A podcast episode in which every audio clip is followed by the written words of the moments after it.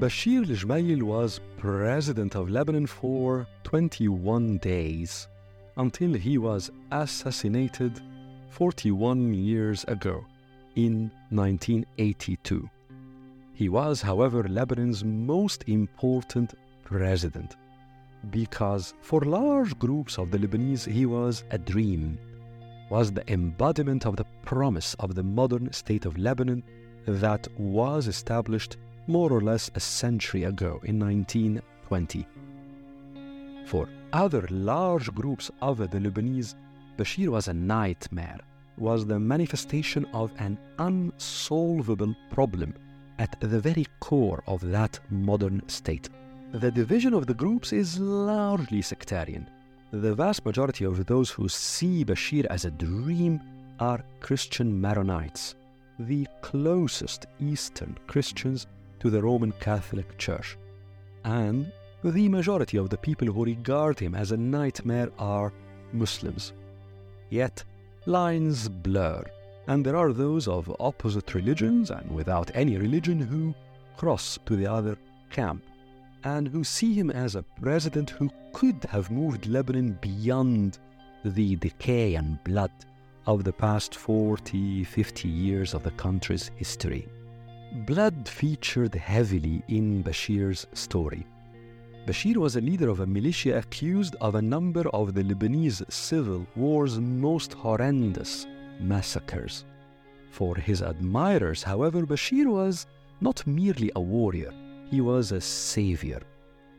In the early 1970s, large groups of Palestinian fighters were expelled from Jordan following the 1970 Black September, Al Aswad, war between the Palestine Liberation Organization and the Jordanian armed forces, and after they were expelled from Jordan, they came to Lebanon those fighters joined tens of thousands of Palestinian refugees who had been in Lebanon since the 1948 war. For many in Lebanon, especially Christians, this influx threatened Lebanon's delicate demographic and social balance. The threat seemed particularly grave because the Palestinian leadership found an ally in Kamal Jumblat, the preeminent Druze leader of the time and one of Lebanon's most sophisticated minds in the 20th century. The meeting between the Palestinians and Kamal Jumblat and behind him an array of socialist forces in Lebanon was for most Christians a tsunami that could wipe out their special positioning in Lebanon the Maronites felt compelled to act. The Maronites, the followers of Mar Maroon, one of the most intriguing monks in the entire history of Eastern Christianity, had for centuries been largely farmers in Mount Lebanon, most of them actually under the authority of Druze clans. Uh, the situation changed, however, in the 17th 18th centuries when demographic trends and successive revolts altered power dynamics in Mount Lebanon in favor of the Maronites.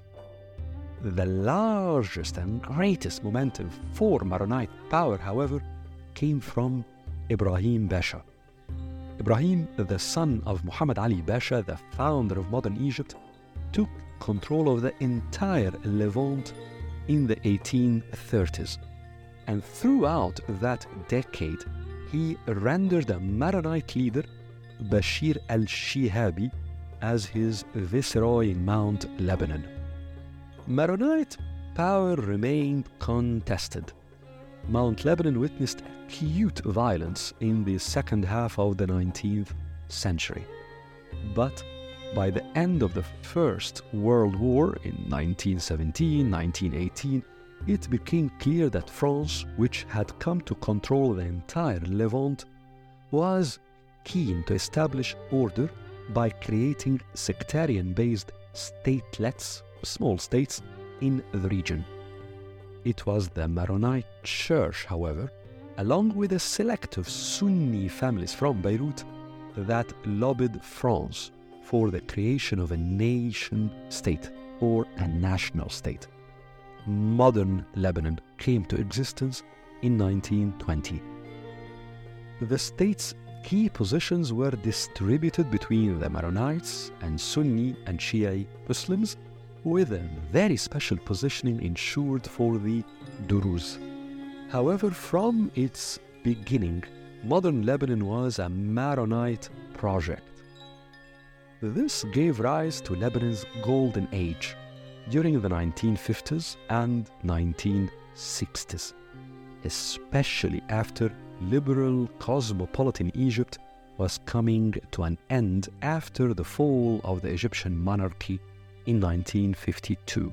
This was the time in which Lebanon emerged as the center of free Arab media, the financial hub of the region, the birthplace of the most daring and cultural trends in the entire Arab Mashriq, and the destination in the region for fun of all sorts.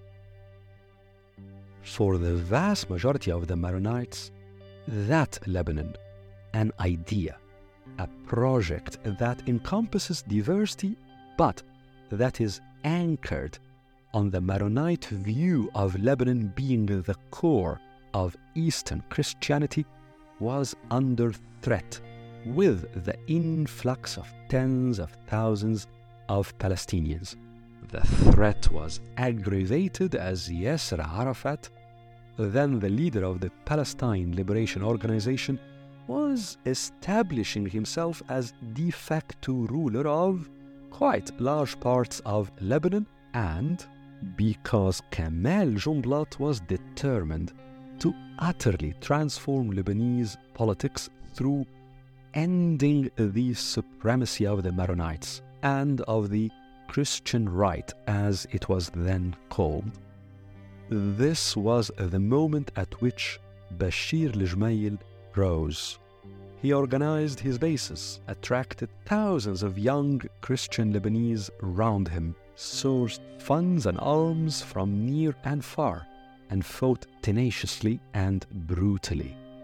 The spilled blood included that of many other Christian Maronites, particularly from rival political dynasties. He was in slight distortion of Nietzsche's original meaning, a perfect example of an extreme will to power.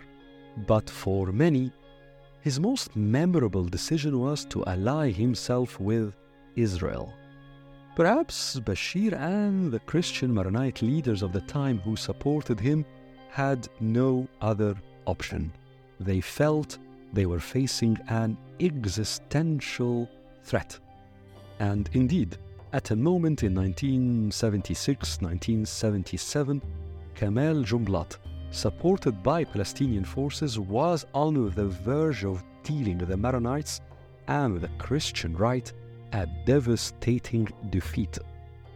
It was only the categorical refusal of Syrian President Hafez al Assad to allow such a defeat to take place Uh, that gave the Christian right another chance to fight.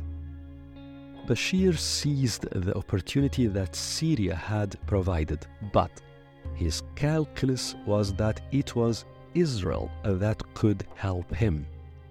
Bashir became a darling of then Israeli Prime Minister Menachem Begin and a close friend of future Prime Minister Ariel Sharon. And it was Bashir's alliance with Israel that spearheaded Israel's invasion of Lebanon in 1982, which ended the presence of the Palestine Liberation Organization in the country and secured for Bashir al-Jumayl the Lebanese presidency. Many who worked closely with Bashir say that were he to rule, he was going to enforce a withdrawal of Israeli and Syrian forces from Lebanon, was going to strengthen the institutions of uh, the state, eliminating all militias, including the one he had set up, and that he was determined to forge a new governing structure for Lebanon, one that would reconcile all Lebanese to the notion of a unified state. Perhaps, but he did not rule. Interestingly, outside Lebanon, Bashir was quickly dispatched to the margins of history. Even in Israel, although Ariel Sharon continued to consider him a dear friend, Lebanon focused analysts at the Mossad, Israel's external intelligence agency, held derogatory views of him, not, not very good views of him, especially of his character. Inside Lebanon, however, Bashir lives on as a symbol. For many, he is an icon of Maronite presence, power, and determination to sustain that understanding of the idea of modern Lebanon. For others, he symbolizes a quintessentially narrow identity that could never be reconciled with the identities of the other major communities living in the country. Symbols matter because they shape people's collective psyche and, and thought. But symbols distort history. This is particularly problematic in Lebanon because the inherent sectarian tension and the opposing views about the essence of the Lebanese project, the Lebanese idea, remain there, not far beneath the decay of the state in the past four or five decades. Liberating Bashir's legacy from the symbols and legends surrounding him and subjecting this legacy to a serious assessment could, could be the beginning of forging a new understanding shared by all Lebanese about their history in the past 40, 50 years. Blurring emotions into false historicity will propagate the confinement of the Lebanese psyche into conflicting narratives of imagined versions of the past. The result would be clashing identities that could ultimately seek diverging futures.